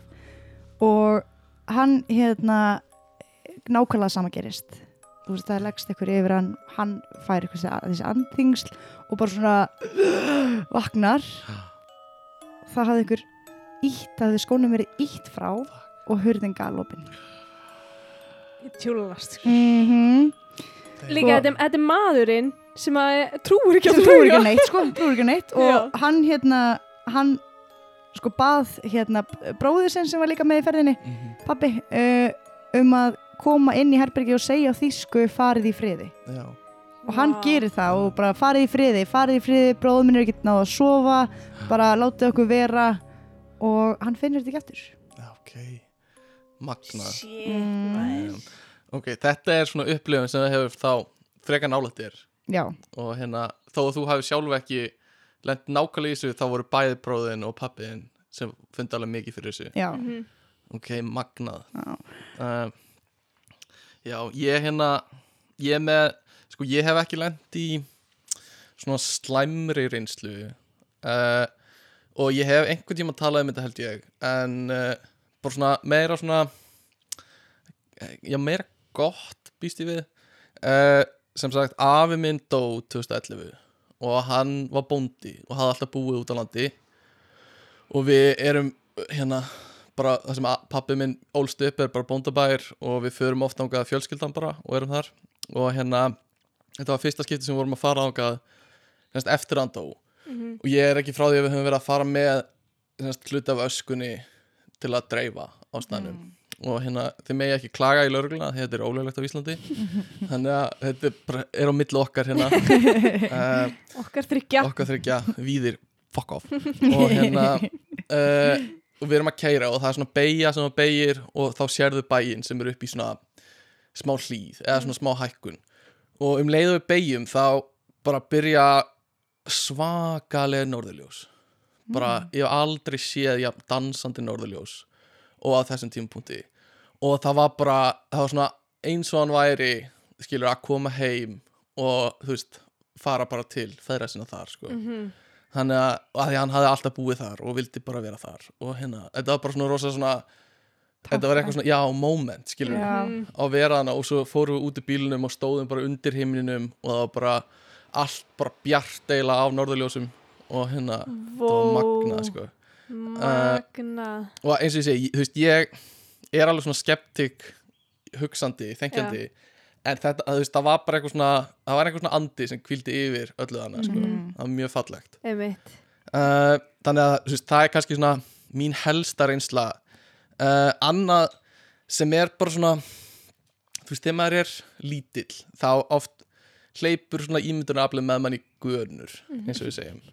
Og hérna ég man að það var einn sérstakur svona uh, púki sem var alltaf að trubla mig á nætuna. Aha, Já, og ég, sem sagt, ég sef í herbyggi sem er hérna niðri í þessu húsi og það er með glugga sem er út á svona hátt, svona, þetta er niður grafið eiginlega herbyggið og glugginn er svona efri hlutanum. Já. Og uh, það var alltaf svona fjólublátt andlit með gulum augum og svona risastóru brosi sem var alltaf í glugganum. Og þetta er svona ástæði fyrir því að maður skilur verður að fara allur undir sæng. Skilur Já, fóturinn má ekki vera fram úr. Já, og ég var bara að rifja þetta upp fyrir þennan þátt að þessi þetta sérstaka andlit var alveg lengi. Bara eins og að væri þú veist liggjandi á pallinum að horfa inn til mín. Og, ég, ó, ég fæ svo Mhm, og ég lá alltaf í rúminu og var bara Varst ekki með gluggatjöld? Þetta er svona litli gluggar. Nei, já, þetta, eru, þetta er alveg svona gluggar sem eru bara spanna allan endan á herbygginu um, en nei, ég, ég man ekki hvort ég á mig, ég held ekki sko, allan ekki yfir allan gluggan og hérna, það var alltaf pláss fyrir þetta já, Kíkja, það var alltaf, það var gott alltaf komið og kíkt sko, kíkja steppa en sagði ekki neitt sko, kíkja, ég er alltaf lagi. Og hérna, en, en það er eitthvað, það er eitthvað verra finnst manni, ef þeir brosa. Já, Það er ógeðslegt. Það er eitthvað við það, sko. Ógeðslegt. Það er Hafið þið lókeitað hvar nákvæmlega hérna grafirnar eru? Hafið þið séð blúprint af húsinu, Eh, Ertu ekki að ljúga með þetta? Það er sem sagt undir herbyggjunum hjá okkur bróð, hjá mér og bróðum mínum Mm. eru, þú veist, það sem þetta var. Og uh, þannig að þetta er, þú veist ég, ég veit ekki akkur en bara fjólubláu liturinn, ég veit ekki akkur hann var svona skýr í minningunni sko. Eitthvað fjólubláu draugurinn sko, sem var svona eftir mér. Um, þannig að, að ég hef ekki hugsað um það í mjög langa tíma fyrir bara fyrir þennan þátt. Um, en hvað er svona ok. Ég tek alltaf hlauparan reglulega. Eða þú veist, áður en, áður en ég var ólétt. Nú tek ég mörgæsina sko. En, en, en hérna, æ, ups. Ég, ég fokkaði eitthvað hérna upp hljóðinu. Ingeborg getur Herra, er þetta komið? já, komið. Hérna, já, þú veist uh, Fyrir sex mánuðum eða fyrr Þá tók ég reglulega, þú veist Slökti ljósin og hljópin já, upp í rúm. Stökk upp í rúm ég er, ég er meira núna farin svona augra sko. Bara, Þú ert svona, hérna, þú lifir á brúninu Já, ég ég, lifa á ég, brúnni. er svolítið það líka. Já, uh. Svona ætla ykkur grípið mig? Já, já, já, já, já. Ætla ykkur náu mér? Ef ég, ef ég lappa aðeins hægur einmitt, einmitt. Og hérna, já og svo þú veist um, já, er ég hef oft hugsað, þú veist, maður er oft inn í herbygginu sínu að gera, þú veist að vera bara uh, þú veist, að gera alls konar hluti og þú veist, hver, hvað draugur nennir að fylgjast með manni í rosa Já, einmitt. og eitthvað svona. Já, en ég var að undirbúa þennan þátt í gær og hérna var nú verið að horfa á svona getur hérna aftur ímyndunaraflið alveg farið með, með mann að horfa á fullt af einhverju svona draugamyndböndum og eitthvað svona eitthvað, hvað er í gangi? Og, og svona það flætti um eitthvað svona algjör óþægenda tilfinning meðan ég var að gera það og, og hérna, ég sá ekki allt herbyggið það var svona eitt sem var, sem var bak við tölvuna og ég svona að, ég er eitthvað hana að, ég er eitthvað hana og þurfti að skipta yfir einhver svona kolpamyndbönd og svona líta, líta í hornið að því stundum maður bara kom bara mæ, Maður verður þarna. já, bara Já. mælirinn er fullur ég Já. bara þarf að taka pásu, það er bara Já. óþægilegar hugsanir að 100%, koma já. og Já. hérna, ég bara get sko- ekki meir Svo sko, veistu hvað ég hefði gert? Ég hefði farið í eitt hot mm á herberginu þannig að ég sé með nógu góða yfirsýn yfir allt. En samt er ég vissum að sé eitthvað þá fyrir ofan algjörlega, algjörlega. Einmitt, einmitt. það versta líka sem mér finnst er, þú veist, oft þegar ég er sofandi eða eitthvað, þá fæ ég einhver svona vöðvakippi sem er alveg eins og það er einhver sem er svona slá í mann eða grípa í mann, hafið lendi í þessu? Það sem þú veist, bara það er eins og vöðvarnir bara taki bara kipp og tilfinningin er bara nákvæmlega eins og einhver sé að snerta mann. Ég hef ekki lendi í Ég alveg fæ svona þegar ég er að sopna, Mhm. sérstaklega ef ég er þreytt já, það fæ ég alveg kippi. Mhm. En- en, núna ég pottjett aldrei eftir að geta aftengt það að það sé eitthvað að snerta mig. Uh, gott, gott, gott, það er markmiði Það er markmiðið Já. mitt hér. Uh, Með þessu kerti sem við erum búin að kveikja á. Uh, Já, ég fyrir, skítrætt að fara fyrir- heim til mín aftur. Já, fyrir hlustendur þá er kerti ennþá, ennþá kveikt og við erum ennþá bara mjög opinn fyrir og ég er líka bara að leifa öllum öndum að heyra þetta. Við erum mjög opinn fyrir heimsókn akkurat núna. Þannig að komið endilega í heimsókn andar. Um, Ok, er eitthvað annað sem ykkur finnst creepy? Skilur og óþægilegt sérstaklega. Uh, af því þú veist draugar mjög óþægilegir getur verið það. En það er líka alveg bara eitthvað sem er jarnest skilur uh, bara vond fólk getur verið mjög óþægilegt. Uh, en eru þú veist and, ok, andasetningar spú, þú veist, væri það eitthvað sem myndi eitthvað finnst óþægilegt? Andasetningar. Eins og þetta sem þú varst að segja aðan þegar þú varst að kalla á andana. Mm -hmm. Já, já, Nei, já, eða þú veist að einhver myndi sem sagt, possessa að Kristján er eða eitthvað já, já, já, já, já, það þegar þú ert ansettin já. Ég er alveg bara, mér finnst það svo óþægilegt því ég lendi í. Mhm. Ég lendi alltaf í því í svona hérna, aðstæðum sem að hérna, svona, þessu í ammælum okkur svona barnaamælum þá var ég alltaf bara eitthvað ansettin sérstaklega í batnaðvæli Sérstaklega í Já, sérstaklega þriðutum við erum á þriðutum. Nei, já, Sko, eitthvað sem að mér finnst óþægilegt Mhm. mm, þú veist, það getur verið bara að labba ein heim skilur já, já, já, mér finnst það ógeðslega Mhm. óþægilegt að labba inn heim mhm. Einmitt. uh, Sérstaklega, þú veist, ég er rosalega óörug uh, á kvöldin mm. í myrkri, ég er rosalega myrkfælin Mhm. og ég er, sko, byggum einu sinni í hérna vesturbænum Mm á Kvisthaga hvaða hljóð var þetta? hann er að kveiki í sína Stefán já, ok hérna, og þar var þú veist, þvottahús í kjallaranum sameiginlega þvottahús Mhm. með, þú veist, efri hæðinni það er eins og það sé bara hanna til að vera creepy ég verð bara að segja Her, þetta var svona kindiklefi Oh. og gammal Það af eitthvað svona drasslið inni og svo Mhm. voru þvottavél og þurkari og eitthvað svona Mhm. ég gat ekki farað inn Nei. nei, ég skilða bara ógslag ég gat ekki farað einan inn sko. Og ég var alltaf, ef ég fór hann inn Mhm. þá skildi ég eftir opið, allt galopið Mm. Þannig að þú veist, og ég var alltaf svona að kíkja fyrir aftur Mhm. mig Já.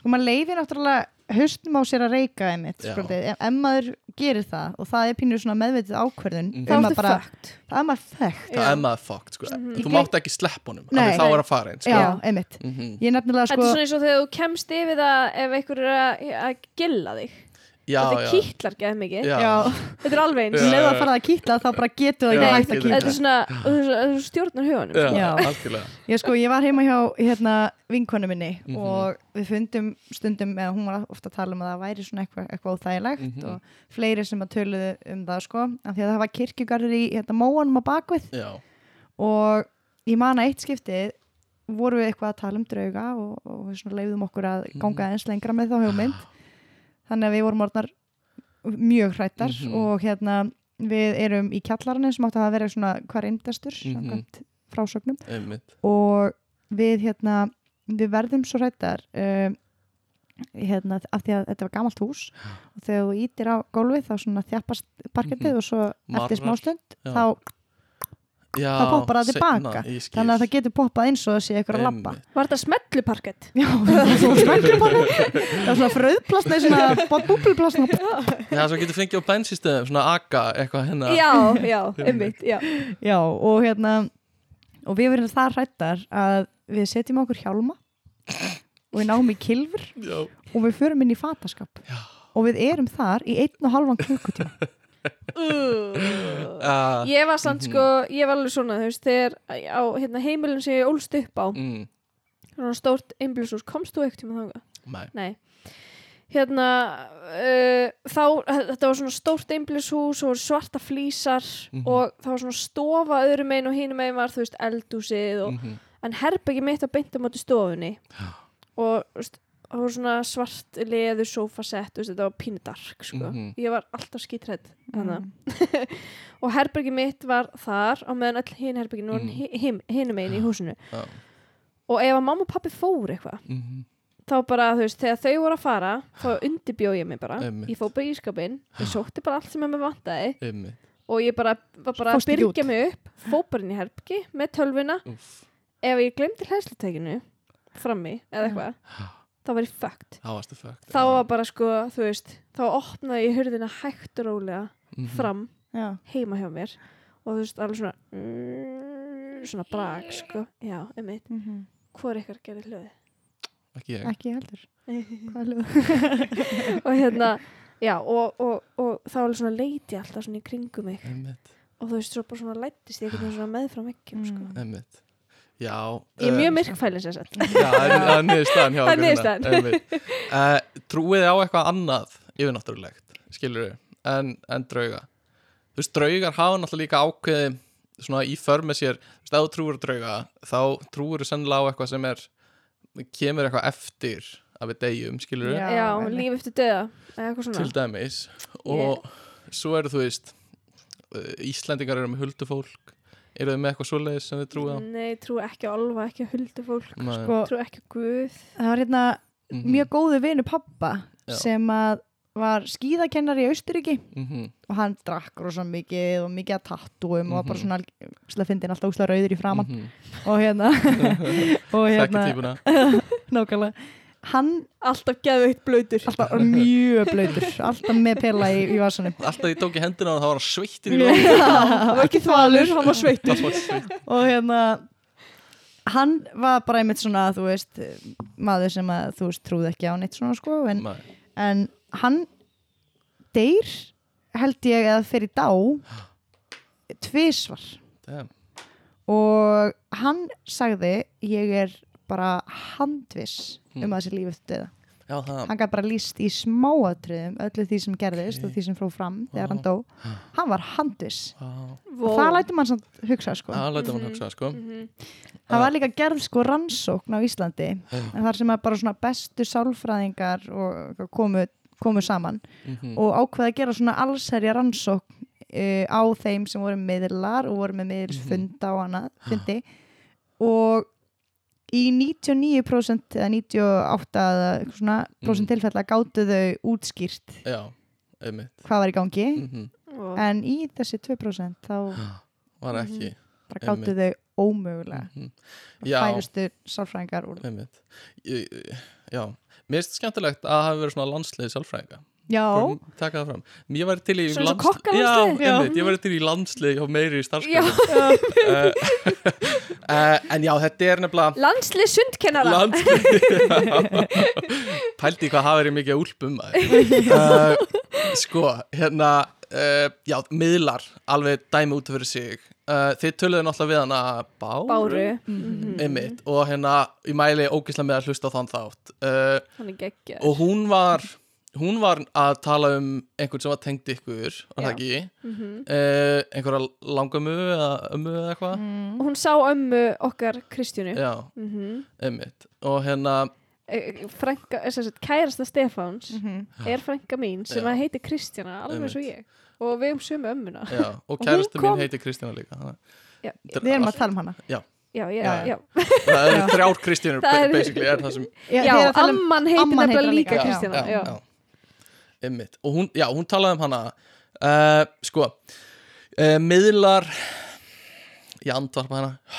Mm. uh, er eitthvað svona sem ég hef takmarkað þólu með fyrir Mhm. persónulega. Og mér langar ekki hljóma ógæslega leðilegur en þú veist þú er bara heitir ég er heitir og ég vil alls ekki segja bára miðl sé að gera. En þú veist það eru margir miðlar sem eru þú veist bara að gera þetta upp á pening Mhm. já, og gefa svona falska von. Uh, stundum eru þeir að gefa það gott skilur bara segja þannig á góðum stað og eitthvað svona. Mhm. uh, og þá er það svona ekkert sorry að ég Allt í ég held að margir miðlar séu líka uh, fyrir fólk sem að er að gangi í gegnum einhver áföll já, að það hjálpar bara hellinga að Mhm. heyra að verða allt Mhm. gott einmitt. sama hver segir það. Algjörlega. Og, og maður skilur það rosa mikið. Uh, en hérna uh, svona, svona hvað var það svona vísindarlega aðferðina bak við að þá svona setjum maður spurningamerki í. en, en mér fannst ógeðslega gaman að hlusta á þáttinn sko að þetta Já. var, maður fær bara sömu svona smá tilfinningu um svona mysteríu þegar maður hlustar á þetta sko já, og ég get 100% látið frá mér einhverja svona vísindarlega hugsun og bara notið þess að hlusta á það Mhm. og það er bara ógeðslega gaman líka en veistu hvað ég hérna ég sagði þetta aldrei, ég held ég hef ekkert sagt frá þessu. Þegar við fórum til hennar stoppaði mig ef ég er búin að segja þetta. Mhm. hérna, þegar við fórum til hennar þá uh, var ég gæðu þetta að vonast til að sagt, þessi tiltekna amma mín myndi koma fram. Ég hef aldrei hitt hana. Mhm. hún dó mjög ung úr hérna kvítblæði Mhm. og en ég ágæðu mikið af svona þú veist bara sögum um hana mikið tala um hana Mhm. á heimilinu Mhm. og þú veist í fjölskyldu Mhm. bara svona stórfjölskyldinu og svona og ég fór með ég sem sagt á giftingarhingin hennar Já. og hérna afi uh, minn gaf mér og Kristjánu, frængu minni uh, hann gaf okkur sikkvart giftingarhingin, hún Mhm. fekk hans og ég fekk hennar Já. og ég fór, tók hann með mér sett hann á mig fyrir þetta Mhm.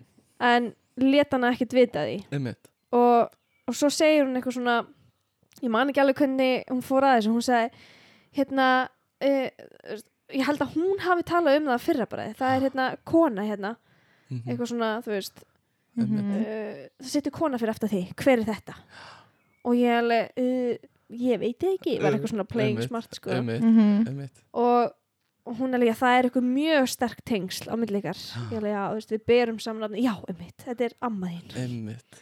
Einmitt. en þarna sko, þú veist, tóki setti ég viljandi hringin á mig Mhm. til þess að fá hana Já. skilur við, Einmitt. Mhm. og eða var að vonast til að hún myndi koma Og ég ætla ekki að sitja hérna og vera að fara að dýbanka eitthvað svona með einhverju svona sem ég eitthvað er að reyna að vera eitthvað smart. þú mátt alveg gera það Nei, sko. já, en það er ég líka... verð ekki móðguð, ok, lofa. Ok, þetta er náttúrulega bara fáránlegt. Uh, Nei, hérna, það er bara ógæslega þetta er bara ógæðslega heimskulegt og allir sem trúa á þetta er bara heimskir. Já, algjörlega, það er það sem ég vil segja en ég ætla ekki að gera en ég ætla samt ekki að gera það. Uh, Nei, ok, ég ætla að tala sem bara svona létta tölfræði. Uh, Mhm. Í bandaríkjunum eru 40-50% sem trúa drauga og ég held að þetta sé ég held að sé herri prósenda Heldurðu það? já, að því það eru sko 13% cirka sem segjast á séð drauga ok, og upplifa það sjálf ok uh, Ég er að vinna með manni frá uh, Mexiko Mm. og hann er uh, katholskur og er fjölskyldan hans og þar er þetta bara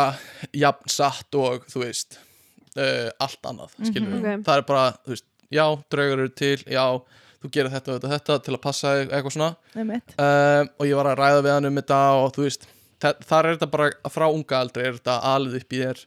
Já. og þú veist, við vorum að tala um þetta og hann var eitthvað svona, ekki fara að gera ekki gera grína mér í þættinum, skilur við uh, af því þetta er bara, þetta er trúin okkar í fjölskyldinni já, og þetta er ósa stert og djúft á, á mörgum stöðum. Mhm. og ég held svolítið mikið hjá katholskum katholsku fólki. Um, og þá er þetta, þú veist þá er það með bænir til, a, til að bóla burtu draugum og þar ertu með presta sem koma og, og reyna þú veist, reyna að bóla út íllum öndum og er það þetta hann að harkalega sem hafa við séð, þú veist sem að maður hefur séð hann að það er hann Svona sage. vatni já, og víkt þú veist, vatn og Já, svona. já, svona, já, já. og hérna en það getur endað illa skilur það getur verið að það bara kannski oft er þetta ungar stelpur sem eru kannski ekkit ósvipað svona nornum sem voru brendar í gamla dag, það voru eitthvað öðruvísi það er, þú veist, það er hérna þóla, þú veist, það eru, með einhverja kannski hegðanar, svona ekki típiskar í hegðun og eitthvað svona. Og þá er bara andsetin, skilur Já, og þá já. er bara, bara hörð meðferð gegn þér, skilur og það getur verið, þú veist það er slæmt, skilur, í mínum huga er þetta bara manneski sem þarf greinilega hjálp og er að fá prest til að skvetta sér vatni Einmitt. uh, og, og þú veist að því leiti finnst mér svona trú getur verið einhverju leiti hættulega stundum. Og þú veist þegar þú ert farin að grípa til svona alternativ aðferða við vandamálum sem við höfum betri lausni við. Um, og í bandarækjanum líka 45% sem þú trú og djöfla og ég held að það sé rosa stert í katholskum já, einmitt. Og maður henn, sé svolítið, þú veist þú ferð annarkvort upp til himnaríkis eða til djöfusins það er bara hann kom líka þessi bylgja sem að allir trúði á okkur svona djöfla dyrkunar hóp Mm. dyrkenda, dyrkendur og Einmitt. okkur svona sértrúasöfnuði og satanist sker í, á, þú veist 80s í bandarækjanum var Já. svakalegt. En það var líka rosa mikið blásið upp af fjölmjölum Mhm. uh, og ég veit ekki hvort hafið þið talað um það. Það er ógislega áhugaverð saga þar Já, allavega. ég hlusta hann að Stuff You Said No já, þáttinn ég líka. Er það ekki? Já. Hann er Hann er satanic scare Já, ok, Satanic Scare. Og það var, þeir sögðu bara, veist to conclude, Mm, það eru það var ekkert um þetta. Þetta var bara ekki til, Já. þetta var bara blásið upp. Það var það sko. Og, og satanista kirkjan er eitthvað sem ég langar að gera þáttum sjálfur mm. að því mér finnst það ógislega áhugavert. Mm -hmm. um, herðu, hefur við að taka það kannski fyrir næsta miðugta eða Og þú, Vá, bara rána hópist í degi hérna. er uh, en hérna, ok, 13% bandarækjumanna trúa líka á vampýrur trúið þið á vampýrur nei, trúið á varúlfa? Nei, trúið á einhver svona skrítin dýr eins og stórfót eða snjómannin Nei. ógulega eða eitthvað svona? Loch Ness, nei. Nei, lagarfljótsormin nei, uh, Nigra sem eru í íslenskum vötnum eða eitthvað nein. Nei, En þú? uh, nei ekki neitt sko. veist mikið. Já, einhverju svona uh, sko, mér finnst þetta ógeðslega skemmtilegt. Já, og mér finnst alveg gaman að horfa á einhver svona í myndbönd. Já, af einhverju gaur sem er einhver staðar úti í Minnesota í bandaríkjunum með einhverju mynda og bara, wow, var þetta hérna Bigfoot. Var þetta Bigfoot, já, Já. eitthvað svona Sasquatch, eitthvað. Já. uh, þetta mér er bara sí- síli já.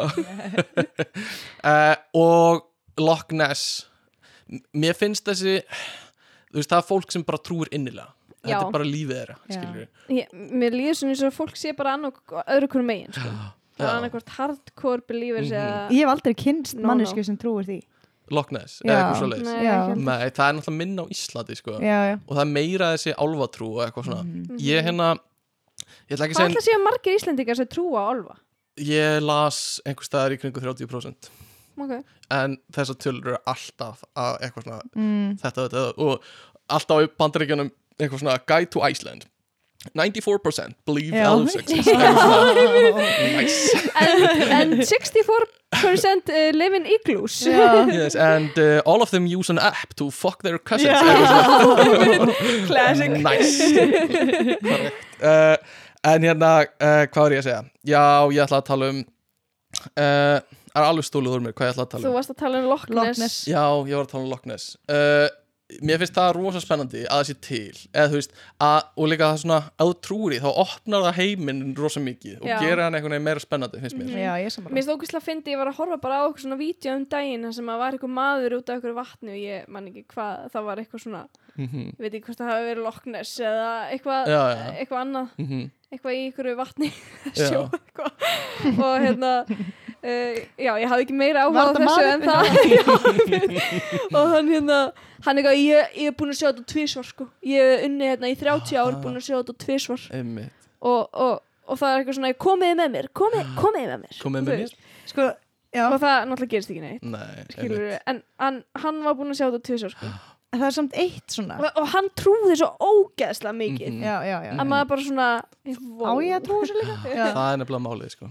Ég hérna, það er eitt svona sem að ég hugsa eiginlega alltaf um. Já, Ef ég er að kera Reykjanesbröðina seint á já, kvöldin uh, þá hugsa ég alltaf stapadrögurinn já, eða móri já, einmitt. sem að byrtist í aftursætinu eða, þú veist, er, að húka far. Einmitt. ég kann drauga sig um það, Úhú, hvernig vil ég heyra? Mm.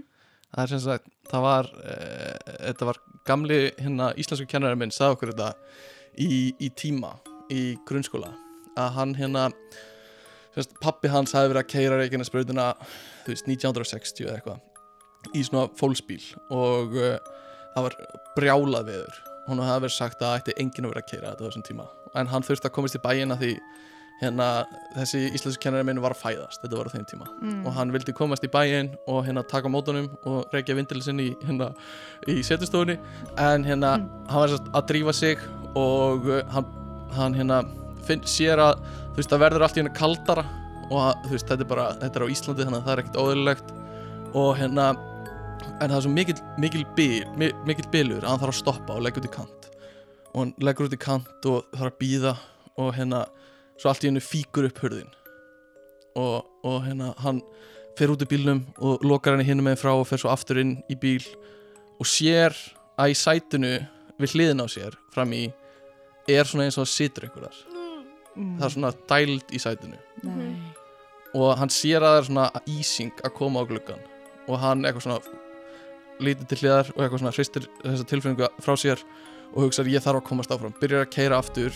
Og útvarpið byrjar svona að snúast. Þetta er svona gamalt útvarp það sem snýrð svona skífu. Færðu upp í hérna Já, Mm. og hann byrjar að snúast og, og það svona, svona pikkar upp nokkra stöðvar og það pikkar svona eitt og eitt orð upp á hverju stöð. Og það er eitthvað svona það heyrist eitthvað svona eitthvað svona. Oh my god, er og hann hérna hann hugsaði ekkert um þetta og hérna svona heldur áfram að keira og svo hérna lítur hann í aftur sín baksinn speilin og sér að það eru augu sem horfa. Stefán, Oh my god, ég er ólétt Ég geti bara að fara að stað hérna. Oh my god, er brá Varst að ljúga þessu öll Nei, hans, eða sko, íslenski terrorinn minn sagði okkur þetta nákvæmlega svona og barði í borðið. Oh my God. og allur bekkurinn öskraði af þessu sko. Oh my god. Új bara. Ég, el, ég elska þetta sko, Ég ætla svo að gera þetta eitt um um, en hérna já, það er móri og Reykjanesbrutin er oft söður reym og kjölur er söður reymur reynt á, Reyndur, það er á, já. reynt á kýli Það? Ég hef farið í kjöl þetta er vísað um þetta sem ég man ekki alveg sem er eitthvað Mm. svona reynt á kýli Ó, og uh, já, það eru svona nokkur staður á Íslandi það sem er mikill reymleiki Mm. uh, Mér finnst það samt ekki skrítið að sé reynd á kili út af því að Kili?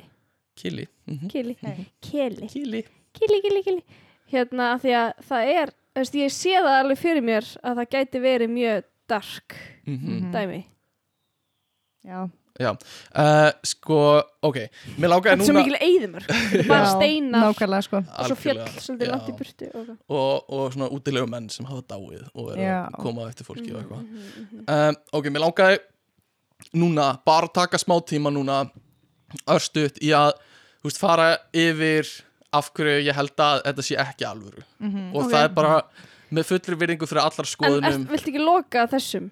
Hérna, kertinu. Kertinu, Já. loka, já lokum Já, á Getum við ekki- að verðum ekki að gera Já. formlega lokun eða? uh, Þú, hérna ert, þú ert ekki með hann undirbúna sé ég? Nei, jú, ég menn undirbúna. Hérna, uh, við kveðjum þig andar sem hafa komið í heimsókn. Við þökkum ykkur fyrir og við sínum ykkur eilífa virðingu fyrir að uh, uh, koma til okkar og við vonum að þið komist heilir heim. Og svo slökkum við á kertinu. Þannig að það er slökt á kertinu og uh, við lokum á andana Ertu hérna, þú ert svona eins og eh, svona sjötu húsmóðir Já, Sem slekkum er- við puttur sem sleppur svona, já, og fer bara í brenda hitt vatn og bara fer í opnin með putta Já, já, já, já. uh, Sko uh, og þú veist það eru einhver svona miljón, trilljón ástæður sem vísindamenn innan gæslapa hafa talið fram og ég, þú veist, nenni ekki fara yfir eitthvað allt af því. Uh, en fyrsta og eiginlega megin sem ég langar að nefna er eiginlega það eina sem ég finnst skrítið við þetta er að ef þetta er satt af hverju er ekki til ein vísindagrein sem hefur sannað fra, sínt fram á þetta skilur með óegjandi hætti? Eða þú veist Já, eða bara þú veist með rannsókn sem er hægt að endurtaka. Mhm. og þú veist, að því það verðist vera mjög skýra reglur með þetta. Allan að fólk tala svolítið þannig. Þannig að af hverju er ekki hægt að búa til eina sem er til og ég leitaði sko. Aha. já, ég googlaði og Svo leitaði. Já, og fann einhver svona meta, PubMed. NCB já, já, einmitt. Eh, ég var á einhver svo leiðis og fann einhver svona metarannsókn sem er búin að taka saman fullt á öðrum pappirum Meta-analýsu. Meta-analýsu. Yes. og niðurstaðan er bara að það er ekkert til í þessu. Nei. Eh, vísindalega séð, það er að segja. Og hérna, svo getum við hugsað bara nennum við að útskýra þetta vísindalega eða eitthvað svona? Og þú veist, Dregur það svo eh, þú veist, skemmtunina jú, svolítið úr það sig gerir Já, það sko, það einmitt. gerir það algjörlega. Uh, en það er til dæmis til uh, sjóður í bandarækjunum sem býður hverjum sem er 10.000 dólara ef hann getur komið og sínt fram á eitthvað yfirnáttúrulegt eitthvað, einhverja hæfileika eða eitthvað svo leiðis uh, þá bara, þú veist, sammælast þeir sem eru aðlar að þessu bara um vísdalegu aðferðana sem það ætla að nota Já. og það hafa einhverju samþykta og svo reyna þeir það og það gengur ekki. Já, þannig að þú veist, þetta er bara opið bóð sem stendur til bóða og það hefur engin náða að hérna, þú veist, taka, gera það. Uh, og það, en það eru nokkrar svona hérna uh, svona tilugur um af hverju við sjáum drauga. Og einhver er, þú veist uh, það sem heitir carbon mono monoxide hérna bara uh, eitrun, skilur þá fer það að fá þingsli yfir brjóskassan og líður eins og það sé eitthvað að og byrjar að heyra eitthvað skrýtna hluti og það er talað um að þetta sé mjög algengt. Uh, ég veit að það var ein kona sem var að með færði það bara á þurru nei, þá er einhver leki heima hjá þér. Já, og þetta er oft alveg já, þá hérna ertu sagt komin út í bíl og búin að setja hérna lag í pústi ummið, þá gerist það. Þá sér þetta draugana ummið og hérna, en þetta gerist oft í húsum sko, og þá er þetta fyrsta sem svona Ghostbuster að tjekka. Er, þú veist, Ah. er þetta til staðar? Já, og yfirleitt er eitthvað svo leiðist til staðar. Uh, skilst mér. Ok. Og hérna svo er eitthvað sem heitir infrasound sem er sem sagt of látíðni fyrir menn til að heyra er rauninni skilgrinningun af því. Og það ávist að valda það er einhverju, einhverju sem leggja það til að það valdi vanlíðan, uh, óþægenda tilfinningu og einhverju svona skinninu og tröflunum og það er til dæmis ein tillagan um diatlofslýsi að Mm. og þetta getur komið að náttúrulegum ástæðum þú veist, úr einhverju, úr náttúrunni eða líka hægt að búa þetta til með einhverju svona uh, hátalurum en það er einn til að, að fólkið hafi lent í einhverju svona náttúrulegum sem sagt of djúpum hljóðum til að heyra sem myndast einhver staðar Mhm. og hérna uh, þá farið og fundið fyrir einhverju mjög skrifnu og farið í þetta sem fólki gerði sko. Já, þessi tíðni, hún einhvern veginn myndast oft við fjallsbrún, er það ekki? Jú, Við, já, það við- er til að þar sko. já, já. Mm. Þannig að Eða þessi tíðni eða þessi, þessar hljóðbylgjur Já. sem að, já, getur verið vindurinn eða hvað sem er. Þannig að það eru til alls konar svona dót sem fólk er að reyna að nota til að útskýra þetta. Uh, ég veit ekki persónulega hvort að næ, fólk, maður næri að gera í öllum tilvökum skilur, mm, það er hægt að búa til þetta er líklega þetta eða líklega hitt, eitthvað svona sem vísindamæður Mhm. en oft er það bara gísk sko, held ég.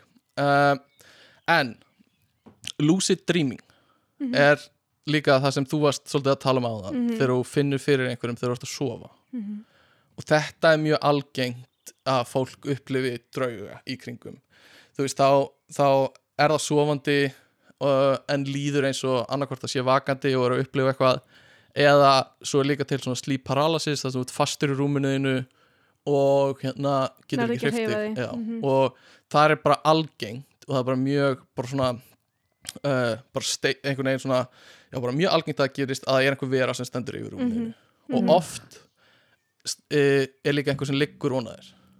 Og oft er það einhver kona eða eitthvað svoleiðis sem, Mhm. sem alveg liggur eða situr á, á hérna brjóskassanöðinum Mhm. og horfir á þig. Og þú ert alveg fastur. Og þetta er eitthvað sem fólk hefur upplifað mjög lengi. Já.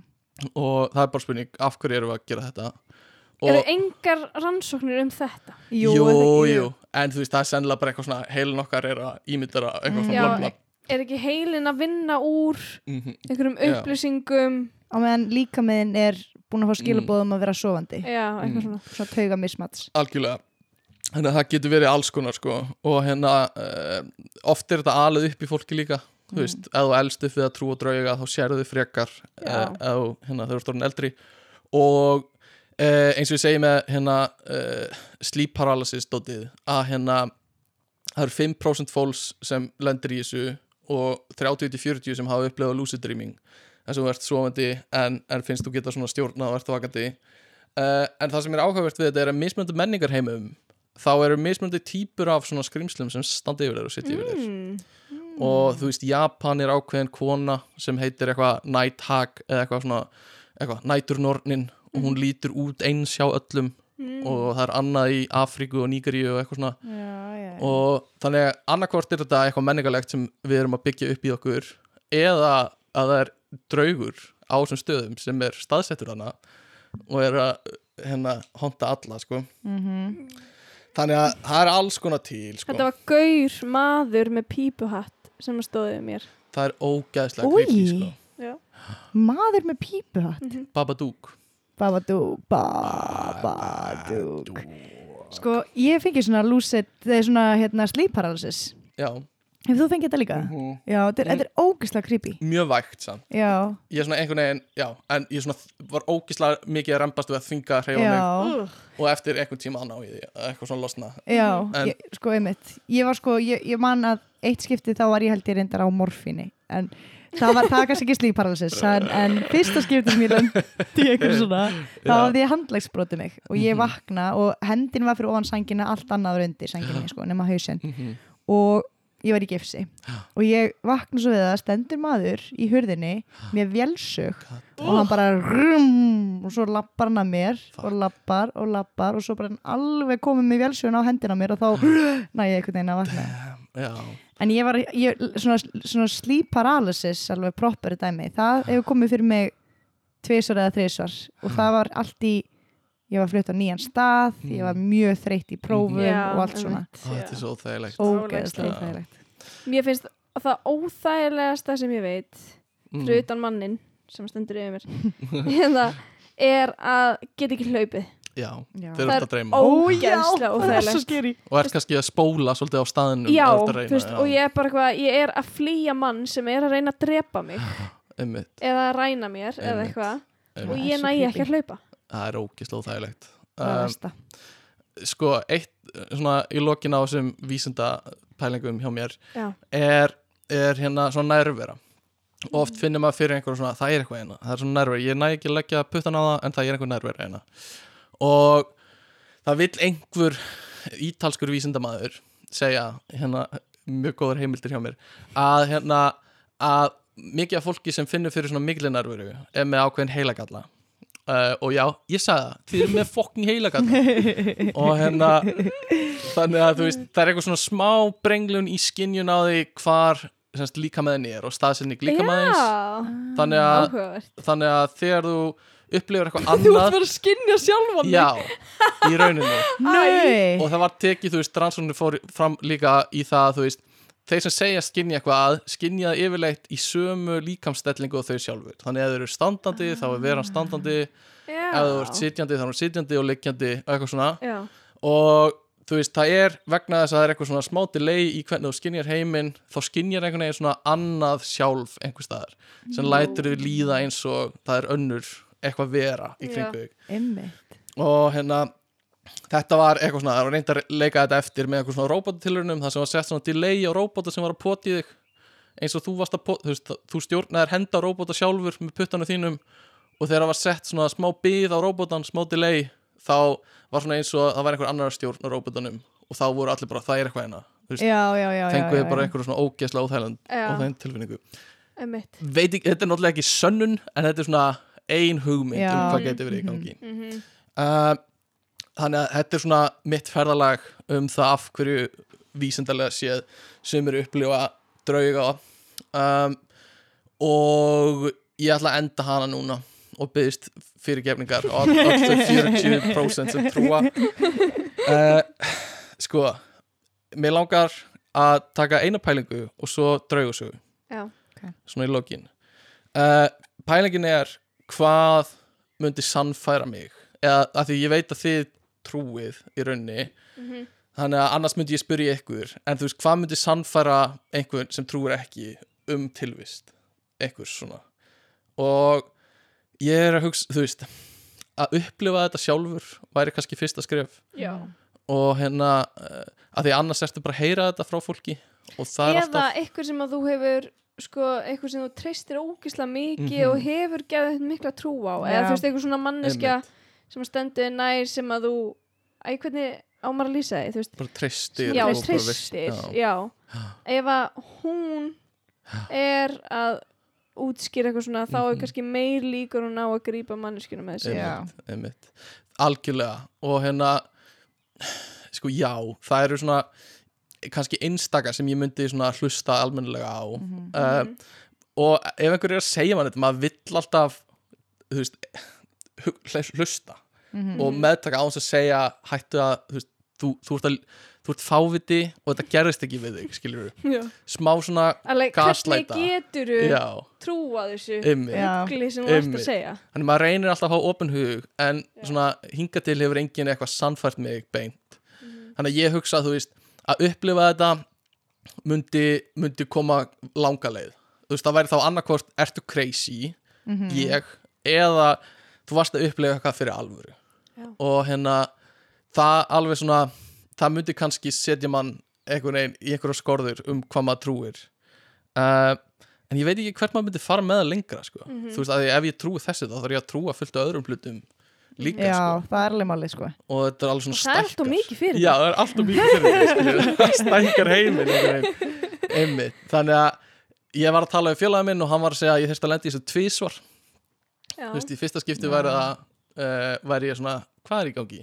mögulega tilviljun. Já, og í annars skipti væri ég bara ok, Ok. þetta er literally, það er eitthvað eina Mhm. og bara sjá vofu fyrir fram að þig Mhm. sem allt í Já. bara, þú veist, hverfur eða, þú veist, Mhm. gufar upp eða eitthvað svona en ég myndi, veistu hvað ég myndi segja mm, uh, þeir sem að eins og þú mm uh, að í tölvunni heima hjá þér mm þú hlýtur að trúa mm. upp að einhverju marki ef að þú ert hrættur við eitthvað eða skilur, Já, ef þú ert einmitt. orðin spúkt Einmitt, Já, þá er einmitt. eitthvað það er eitthvað sem að blundar í þér Einmitt. það er þetta sko eins og við vorum að tala með hann, það er þetta ja, hvað hvað er, já. hérna, sem er öruglega eins og í pappa þínum Ingibjörg. Já, einmitt sko. Mm. ég veit ekkert hvar fóreldra mínu liggja með svona, ég Nei. held ég ekki tala um það. En þú veist eins og mamma, hún sagðist einu sinni að hafa séð ömmu eða heyrt í henni. Eitthvað hún var heima að einmitt. og hún heyrði að hurðin opnaðist. Já, sko ok. ég held lögt á ryksugunni og þá heyrði hún að hurðin lokaðist og svo fann hún bara Damn. eitthvað svona fyrir ykkur já, Ég held að sko að flestir svona í kringum mig eru tilbúinir að gefa þessu the benefit of the doubt, mhm. Já, þú veist. Mhm, að vera bara einhvern veginn ekki að já, einmitt, að- einmitt. geta allir viðkjönt það að hafa einhvern mann verið hrættir við eitthvað svona. Einmitt, Mhm. algjörlega. Þannig að, já, ég hugsa ég já, þyrfti að upplifa eitthvað rosa, eða svona frekar stert sko. Já, Mhm. að, að, þannig ég gæti ekki útskýrt það sko. mhm, uh, sko, við erum búin að kofra hérna að drauga svolítið vel. Mhm. uh, og ég er bara mjög sáttur. Mhm. eru þið með eitthvað sem þið verið tala um meira tengt draugum? Erum við að gleyma einhverju? Úps. mér finnst alltaf eftir hvern einasta þátt eitt atrið sem ég gleymi. Eins og við tókum upp Eurovision þátt í síðustu viku. Já, já, og ég gleymdi að tala um þú veist hvað þetta er stórt mál fyrir svona hinsegin fólk. Já, Já. bara nefndi það ekki einu sinni þú veist, nefndi það ekki einu sinni. Já, sem mér finnst alveg svona smá krúsjál þegar maður talar um Eurovision. Já og það er alltaf eftir hvern einasta þátt sem ég bara sem þú eitt Æ, sem ég glemdi já, Já. eitt sem ég glemdi En það góða við þetta er að það tekur enginn eftir í nei, einmitt. nema þú sjálfur. Mhm.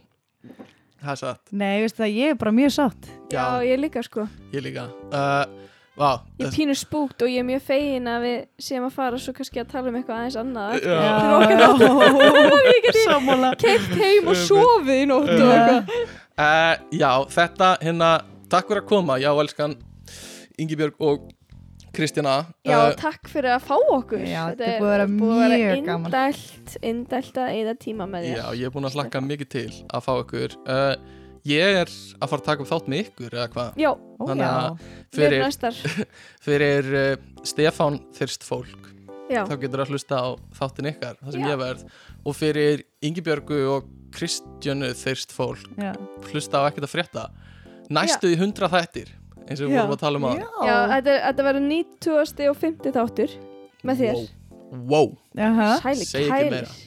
um, Þannig að ég bara þakka fyrir komuna Aftur styrtalagi þáttan þessi dag eru vinir Vinir, koma í póka Og uh, rauðin dagsins dag eru alls konar óafengt Þannig að hafið samband á ekkertafrétta.gmail.com eða ekkertafrétta.podcast á Instagram uh, Eitthvað meira? Nei Nei, takk fyrir okkur lifið í lukku og ekki krukku og Já. Ok, bye Svo samanlega. Bye.